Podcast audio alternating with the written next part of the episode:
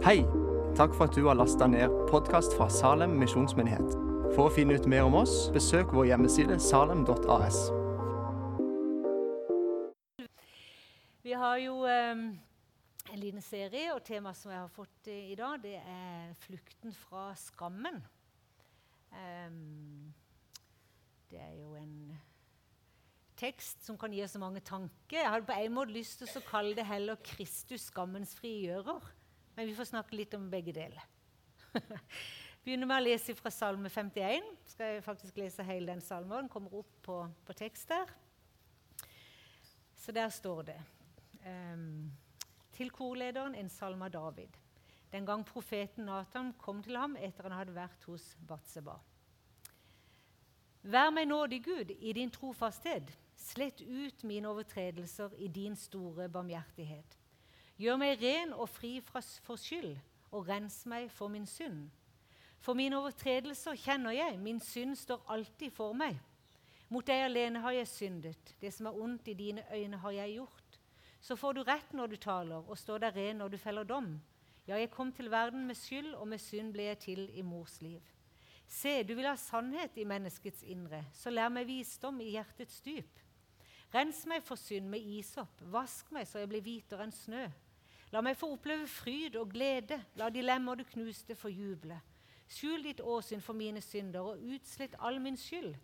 Skap et rent hjerte i meg, Gud. Gi meg en ny og stø ånd. Kast meg ikke bort fra ditt åsyn, ta ikke fra meg din hellige ånd. La meg atter fryde meg over din frelse, hold meg oppe med en villig ånd. Så vil jeg lære brottsmenn dine veier, og syndere skal vende om til deg. Fri meg, Gud, fra blodskyld, du Gud som er min frelser, så skal jeg juble over din rettferd. Herre, lukk opp mine lepper, så min munn kan lovprise deg. For slaktoffer ønsker du ikke. Kommer jeg med brennoffer, vil du ikke ha det. Nei, offer for Gud er en knust ånd, et hjerte som er brutt og knust. Ringakter du ikke Gud. Gjør vel imot Sion i din nåde, bygg opp Jerusalems murer.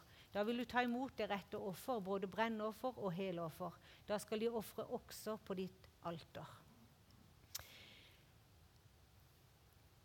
Det som er veldig tydelig her, det er jo David som, eh, som kommer i erkjennelse. David hadde jo hatt fantastisk, en fantastisk favør fra Gud. Han var plukka opp fra, fra eh, hyrdemarken ikke sant? og ble regna som egentlig ingenting. Men Gud utvelger han til å bli konge, og han velsigner han i bøtte og spann, om en kan si det sånn. Og Likevel så, går, eh, så blir han skyldig og dreper Urias, og han tar eh, Batseba til kone, og Nathan profeterer og snakker til ham på vegne av Gud og utfordrer ham på den livsstilen og på det som han hadde gjort. Og så bøyer David hjertet sitt. Han, han, han ser Guds hellighet. Han skjønner at 'jeg har faktisk synda mot himmelens Gud'. Og han, egentlig er denne salma et rop fra Davids hjerte om at Gud må se i nåde. Gud må se med velvilje. Gud må, må, må komme med sin barmhjertighet og frelse han og redde han ut ifra det livet som han nå har, har, har levd. Fri meg fra skyld. Rens meg fra synd. Og Når vi skal snakke om skam, så er jo dette med synd selvfølgelig en utrolig stor del av det temaet. Eh, vi skal snakke litt om forskjellen på skyld og skam. Men det som skjer, og som på en måte er godt òg, da For det står det at Gud har lagt en samvittighet ned i, i hvert eneste menneskehjerte. Så samvittigheten er et fantastisk redskap når det er riktig satt. ikke sant? Det, det er egentlig en, en, en, hjelper, samvittigheten vår, på å finne ut hva som er rett og galt, godt og ondt. Så vi skal ikke se smått på samvittigheten. Noen ganger er han feilslått, så han har skyld for alt og går med. og Det er jo kanskje noe av dette som vi kommer inn på i dag. At skyld, fordømmelse og skam gjør, gjør til at en lever i en kontinuerlig følelse av dårlig samvittighet. Um, men samvittigheten den slo inn her hos David. Og Vi kan også kjenne det i våre liv, at når vi har falt, når vi sier ting, gjør ting, handler, tenker, oppfører oss ikke sant? Når vi vet at det kolliderer med Guds ord, når hjertet vårt er innstilt på å leve etter Guds hjerte, og Guds ånd har fått opplyst oss på innsida, så er det en varslingslampe. Vår samvittighet, Guds ånd som har tatt bolig i oss, varsler om at noe er gått galt. Og Det skjedde også med David her. Han kom inn i Guds hellighet og skjønte at han står for en høyt hellig Gud med livet sitt. Og han har virkelig gjort store lovbrudd.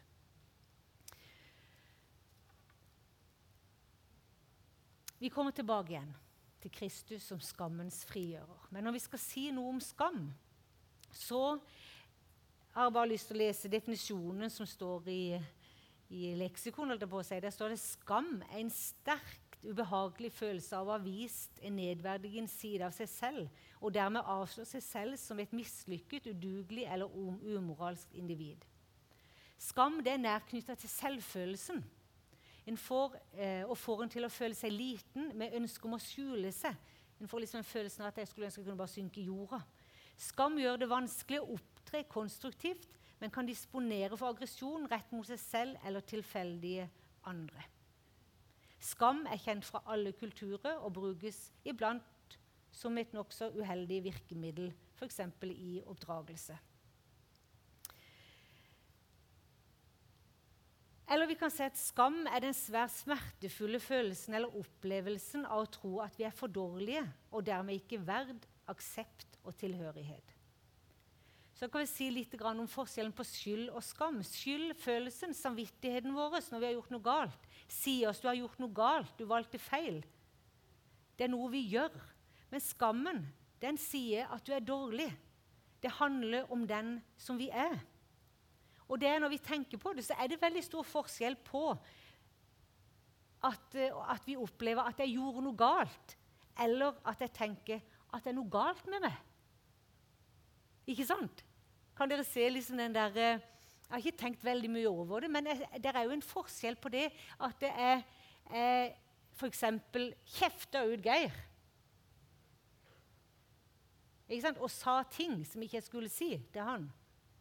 Og så kan jeg kjenne et halvt sekund etterpå Elin, hvorfor kunne ikke du tie stille? Jeg gjorde noe galt. Og det å føle overfor Geir at det er noe feil med hele meg Det er noe galt med meg. Jeg er mislykka. Jeg når ikke opp.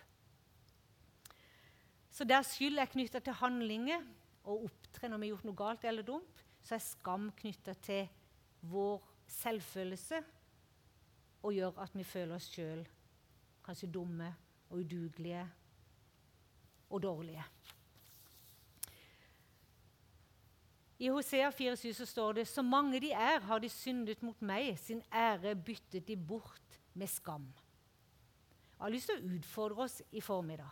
Og kanskje vi trenger å snakke om rett og galt og det å komme inn for livet vårt innenfor Gud. At vi på en måte kommer med livene våre innenfor en høyhellig Gud.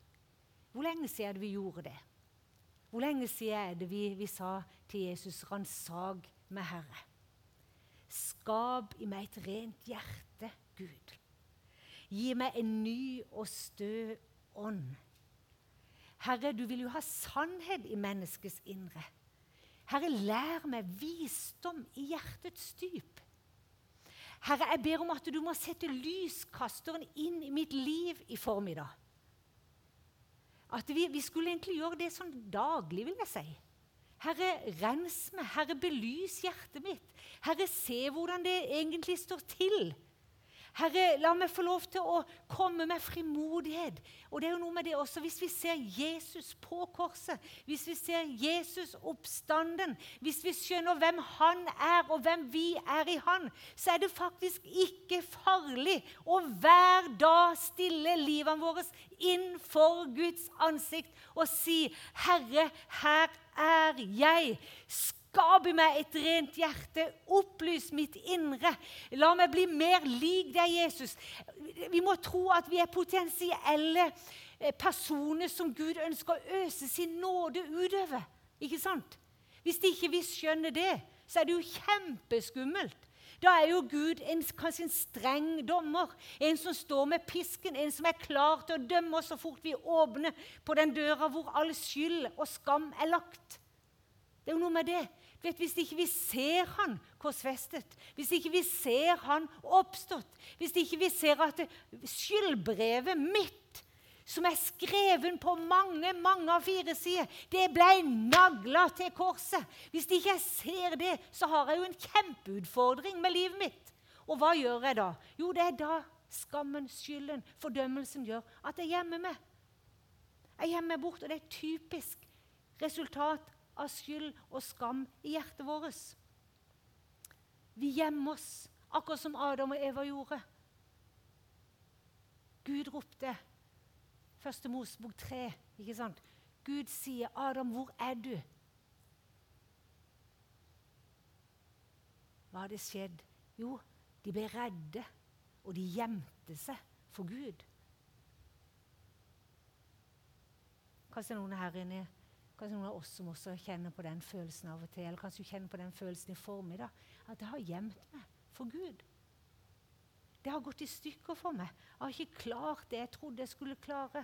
Jeg har ikke, jeg har ikke klart å leve det livet jeg tenkte jeg skulle leve. Og så har vi gått inn i et kammer, og vi har lukka ei dør som gjør at vi lever og kjenner at vi skulle være ærlige med ansiktet som vi bærer, ikke på utsida. For det kan vi jo stæsje opp så noenlunde. Blir vanskeligere og vanskeligere, men vi kan gjøre noe med det, ikke sant? Vi kan pynte oss, vi kan sminke oss, og vi kan ha all verdens av ting. Men hvordan ser ditt ansikt ut om du spør ditt hjertes ansikt? Kjenner du at ansiktet ditt er prega av skam? Har du møtt noen? Et barn som er skyldig? Unnvigende. Har du møtt noen voksne som du kjenner bærer skammens ansikt? som du ser fortvilelsen, sønderknustheten, fortaptheten, håpløsheten som skam skaper. Noen ganger kan det ses også på utsida. Men vi kan være gode, ikke minst vi som skal være så flinke kristne. Vi kan iallfall klare å skjule det, men vi kan på samme tid gå med et ansikt av skam her inne som gnager og knuger. Som gir den derre ekle klumpen i brystet. Eller den ekle klumpen som setter seg i mellomgulvet. En kontinuerlig følelse av mindreverd, en kontinuerlig følelse av at noe er feil. Skam kan vi få pga. egen synd. Men vi kan også bli påført det gjennom andre synd. Jeg snakka med henne òg, og jeg hørte et vitnesbyrd. For vi hadde et kvinnemøte, så kom det ei dame, dame fram og så vitna om hva som hadde skjedd for 22 år siden. Da forteller hun jeg ble voldtatt. Jeg var ung, jeg var kristen jente. Jeg var ute på kvelden og ble voldtatt og ble gravid. Så hun valgte å bære frem dette barnet, heldigvis. Men hva skjedde med denne unge jenta? Hun gikk i 15 år. Så gikk hun og følte Hva er galt med meg? Hva er galt med meg? Hvorfor valgte han meg? Hva var det med meg som gjorde at han ville voldta meg? Så gikk hun i 15 år og måtte gå til psykolog, og gikk til terapi og gikk til behandling. De holdt på å kvele denne unge mora. Så kan vi tenke fra utsida men det var jo ikke du som skulle skamme deg. Det var jo ikke din feil. Det var jo ikke din skyld. Men hun var påført skam fra en som på alle måter skulle bære all skam og all skyld for det som skjedde. Men hun ble påført skam av en annen persons gjerninger. Og Det er jo veldig alvorlig, akkurat det eksempelet. Men det kan være større ting, og det kan være mindre ting som gjør at andre mennesker påfører oss den underliggende følelsen av skam og dårlig selvfølelse. Så forteller hun hadde vært på en kvinnekonferanse. Det var et tydelig vitnesbyrd da. Så forteller hun at hun gikk fram, og vi hadde en sånn eh, velsignelsestunnel. Vi, vi, står på to rekker og sier at de som ønsker bare å bli velsigna av Gud, kan komme og gå gjennom den. Så sa hun jeg gikk bare noen få meter inn i denne forbønnstunnelen så, sa, hun så kom Guds nærvær over på meg på en sånn måte at jeg klarte ikke å stå på beina. Så husker jeg ikke noe annet enn at de geleida meg ut av denne velsignelsestunnelen. Så lå jeg der, sa hun, hvor Guds kjærlighet strømte opp og ned og inn og ut av kroppen min. Hun bare sa jeg ble overskylt med Guds nåde og kraft. Og så sa hun når jeg reiste meg opp igjen, så kunne jeg ikke kjenne noe snev av den skammen og den skylden og den voldsomt intense følelsen på innsida mi. Hun kom hjem, var hjemme et par dager. Så kommer sønnen til henne, han var 15 år da, så sier han, 'Mamma, hører du at du går og sier takk, Jesus, hele dagen?' sa han. Så nei, ikke tenk på det, sa hun. Og så måtte hun fortelle til denne gutten sin hvorfor hun gikk og sa 'takk, Jesus' hele dagen. Så fortalte hun til ham Du ble ikke unnfanga i kjærlighet, men ble født i kjærlighet. Og den mannen Jesus, så fortalte hun hva Jesus hadde gjort for henne. Fortalte hva, hvilken inngrepen det hadde vært i livet hennes. Hun kjente liksom bare hele den der, si, søppelbøtta ble løfta ut. Som vet, Det er jo et mirakel. Det er absolutt et mirakel. ikke sant? Og så sier gutten til henne at den mannen du snakker om, den Jesus du snakker om der, han har jeg lyst til å bli kjent med.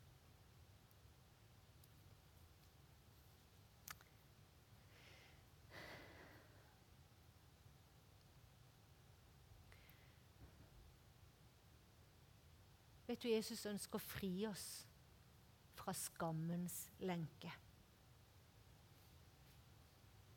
Skam som vi sjøl har påført oss, skam som andre har påført oss. Skam over å tilhøre en viss familie, skam for det du holder på med i det skjulte, skam for det som er blitt åpenbart for alle, skam for det du bærer i tankelivet ditt og det du har gått igjennom, skam for det som livet har gitt deg.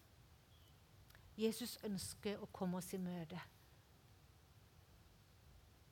der som vi sliter. Vet du, Skammen gjør at vi kaster vrak på det gode vi har fått. Skammen gjør at vi tør ikke å komme frem. Skammen gjør at vi tør ikke å by på oss sjøl lenger.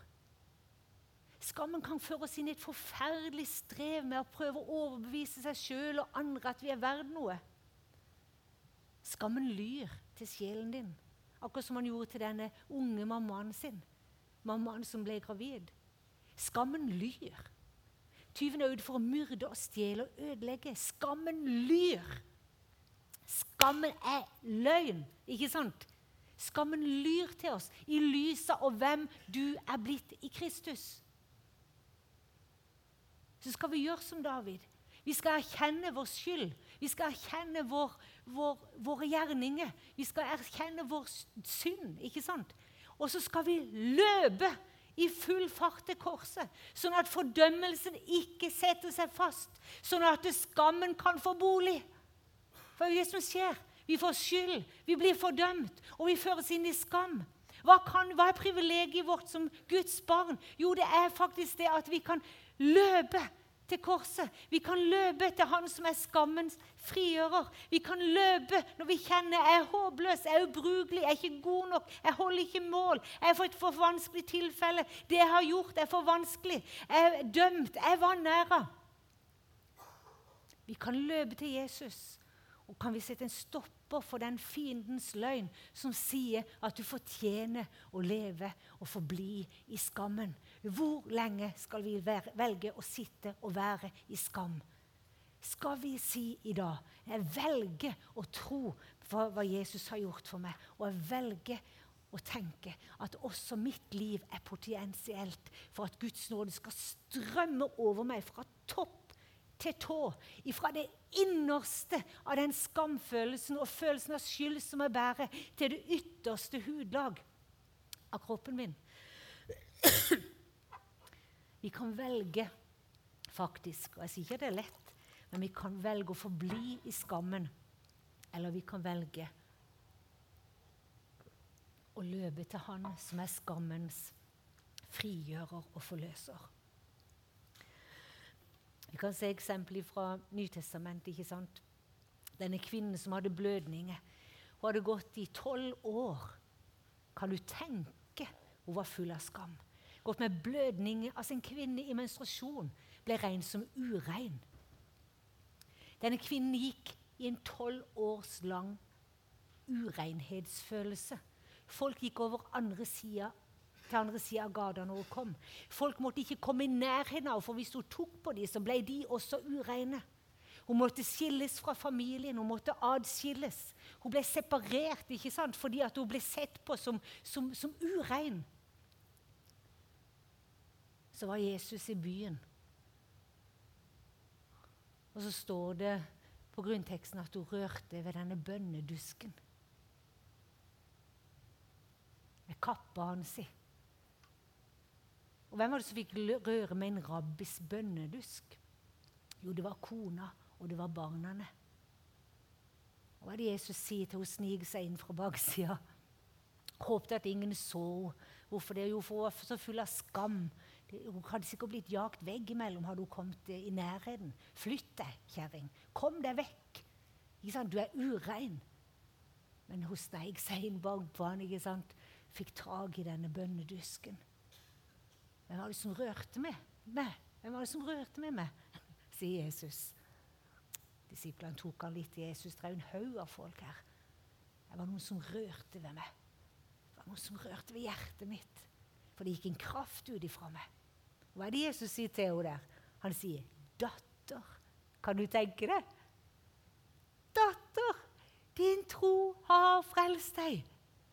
Kan du tenke det var kun barn og hustru som fikk lov til å røre ved denne bønnedusken? Og hva, gir, hva gjør Jesus? Han gir henne identiteten sin tilbake. I det øyeblikket så stopper blødningen. I det øyeblikket så forsvinner hele grunnlaget for skam. Ser du det? Han røkker grunnlaget for skam ut av livet hennes. Jeg vet ikke hvor du kan kjenne på skam. Jeg vet hvor jeg kan kjenne på skam.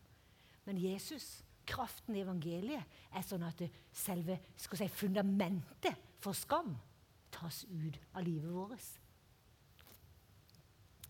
Eller kvinnen som ble tatt i hor. De sto klar med steiner. De hadde loven på sin side. De hadde rett. De hadde rett til å dømme. Skjønner du? Av og til er vi på rett og sted overfor hverandre. Ja, men vi har jo rett! Han har jo gjort det, og hun har jo gjort det. Hørte du det? står vi der med våre steiner, ikke sant? Både internt og ut mot det som ennå ikke tror. Det er ikke greit. Jesus bøyer seg ned. Bøyer seg ned. Skriver noe i sanden som ikke vi vet hva er for noe. Hva som skrev 'Min elskede'. Jeg vet ikke. Jeg tror i hvert fall han mente det.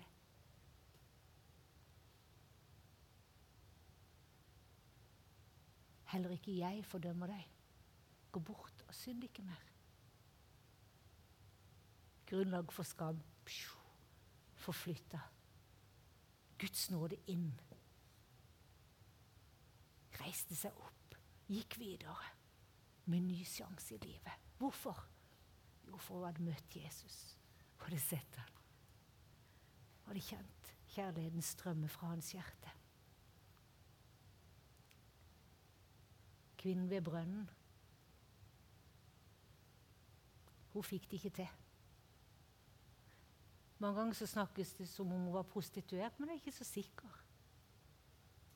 Jeg tror kanskje bare hun hadde vært skikkelig ute å kjøre når det gjaldt ekteskap.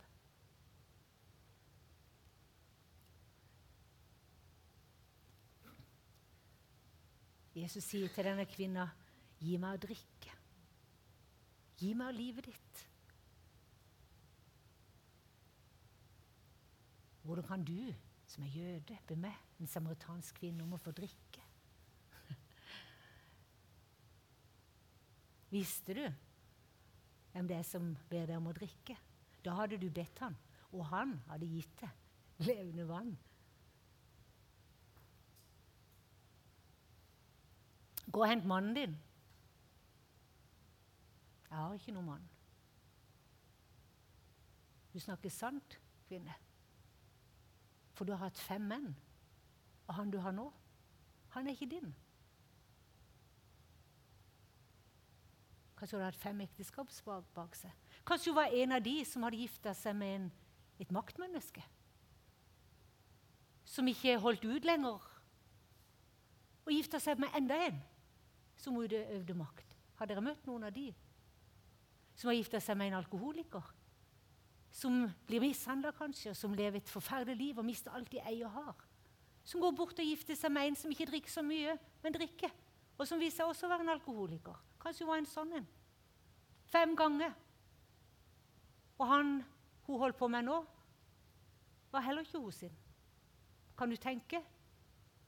Hvor knust, hvor skamfull. Ikke rart hun gikk opp og henta vann midt på dagen istedenfor morgenen med alle de andre skravlekjerringene rundt seg som kasta blikk.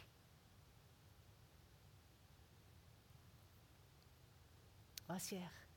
Denne kvinna sier, sier Jeg har møtt én som har fortalt meg alt. Tenker det?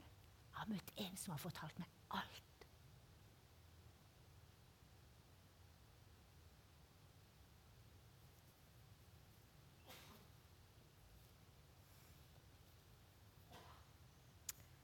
Salme 34, 5, så står det Jeg søkte Herren, og han svarte meg. Fra alt som skremte, berget han meg. Se opp til han og strål av glede, så skal dere aldri rødme av skam. Se opp til han og strål av glede, så skal dere aldri rødme av skam. Jeremia 45, 2, 3. Jeg vil gå foran deg. Høyder vil jeg jevne ut. Dører av bronse vil jeg sprenge, og bommer av jern skal jeg slå i stykker. Jeg gir deg skatter som er skjult i mørket, og rikdommer gjemt på hemmelige steder, for at du skal vite at jeg er Herren, Israels Gud, som har kalt deg ved navn. Med hjertet så tror vi, så vi blir rettferdige for Gud. Med munnen bekjenner vi så vi blir frelst. Skriften sier ingen som tror på ham, skal bli til skamme. For her er det ikke forskjell på jøde og greker. Her er det ikke forskjell på hva som har forårsaka skam eller skyld. Alle har den samme Herre, og han er rik nok for alle som påkaller ham.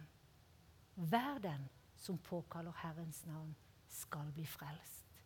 Han er rik nok for det. Han er rik nok for der du trenger nåde i ditt liv. Det er mer enn nåde nok. Mer enn nok nåde, heter det. Det er mer enn nok nåde for det. Så stå opp fra den deprimerte og nedslåtte tilstand omstendighetene har holdt deg i. Reis deg til nytt liv. Bli lys. Strål av Herrens herlighet. For ditt lys kommer, og Herrens herlighet går opp over deg. Jesaja 61. Stå opp fra skammen. Stå opp fra fordømmelsen. Stå opp fra skammens lenke. Reis deg til nytt liv i Kristus. Bli lys i Han.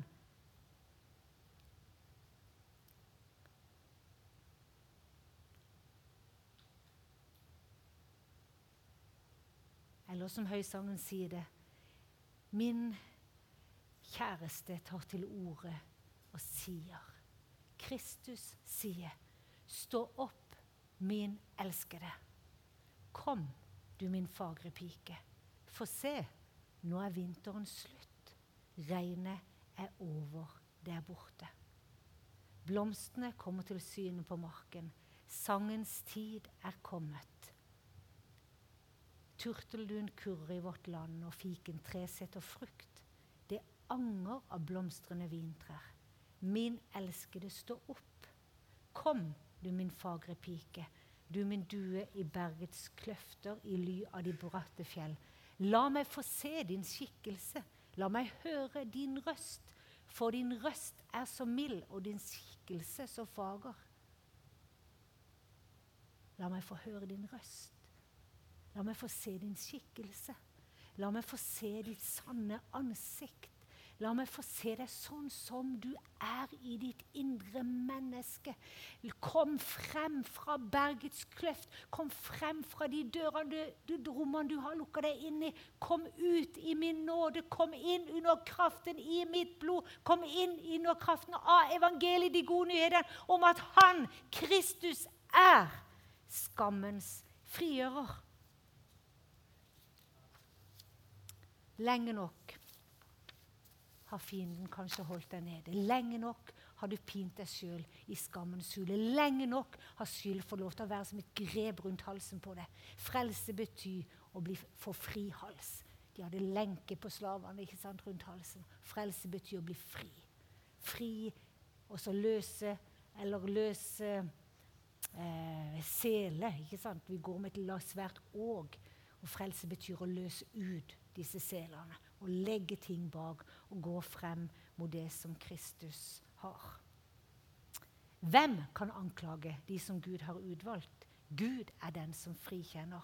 Hvem kan da fordømme? Kristus Jesus døde, ja, mer enn det. Han sto opp og sitter ved Guds høyre hånd, og han går i forbønn for oss. Hvem kan skille oss fra Kristi kjærlighet? Nød, angst, forfølgelse, sult, nakenhet, fare eller sverd. Det står skrevet.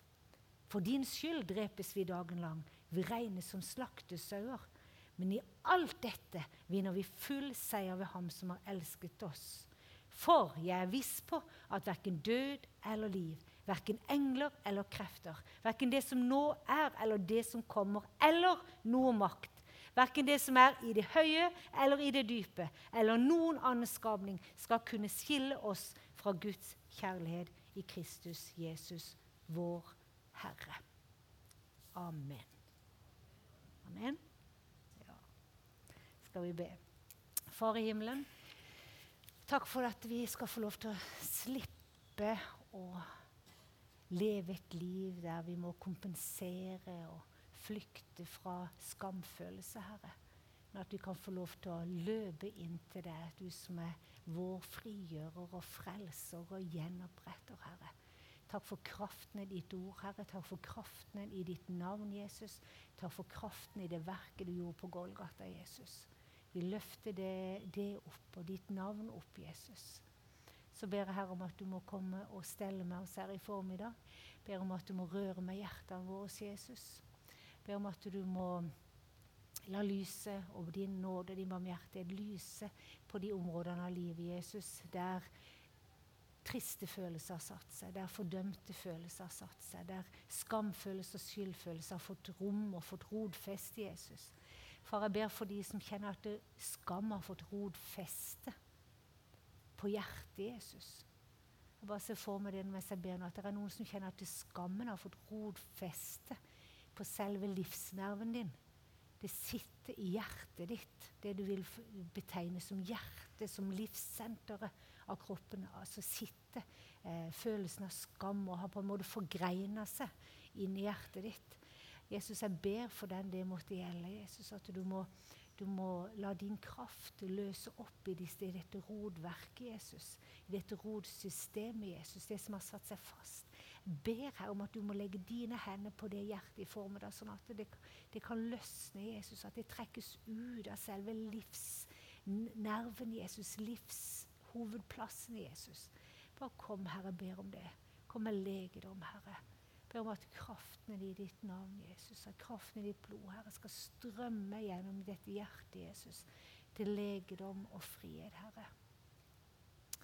Å, Jesus, jeg takker deg for de som kjenner at skammens tanke ligger som et belte på panna Jesus. Som et eh, pannebånd nesten som er klistra fast rundt hodet Jesus med negative tanker, med skyldfølelse, med, med følelsen av ikke-verdi, med følelsen av ikke strekke til. Og, og med følelsen av at det, ikke, det kan ikke være nok tilgivelse for meg. Jeg ber om at du skal, skal ta dette båndet av, av skam skambelagte tanker, Herre Jesus, og løse det. Løfte det av, Herre. Og bytte det med dine tanker, med ditt ord, Jesus. Men med en dyp erkjennelse at de er fri, Herre. Fri, Herre Jesus. Takk at du bryr deg også denne type skam. Eh, skammens lenke, Jesus. Bare kom, Jesus, og rør, rør ved, ved den enkelte Jesus. For de som er bundet opp av skam pga. ord som er talt over dem, Jesus. Skambelagte ord. Ord av uverdighet. Ord av, av negativitet. Det som har skapt noe i identiteten Jesus. Jeg bare ber om at det som er pålagt skam i Jesus, og på forskjellige områder, skal ber om at du må løfte av i formiddag, Herre. Ta oss med i en vandring med det, for skammen legges av. Lag for lag, Jesus. Ord for ord, handling for handling, Herre. Legges av i kraft av ditt navn, Jesus.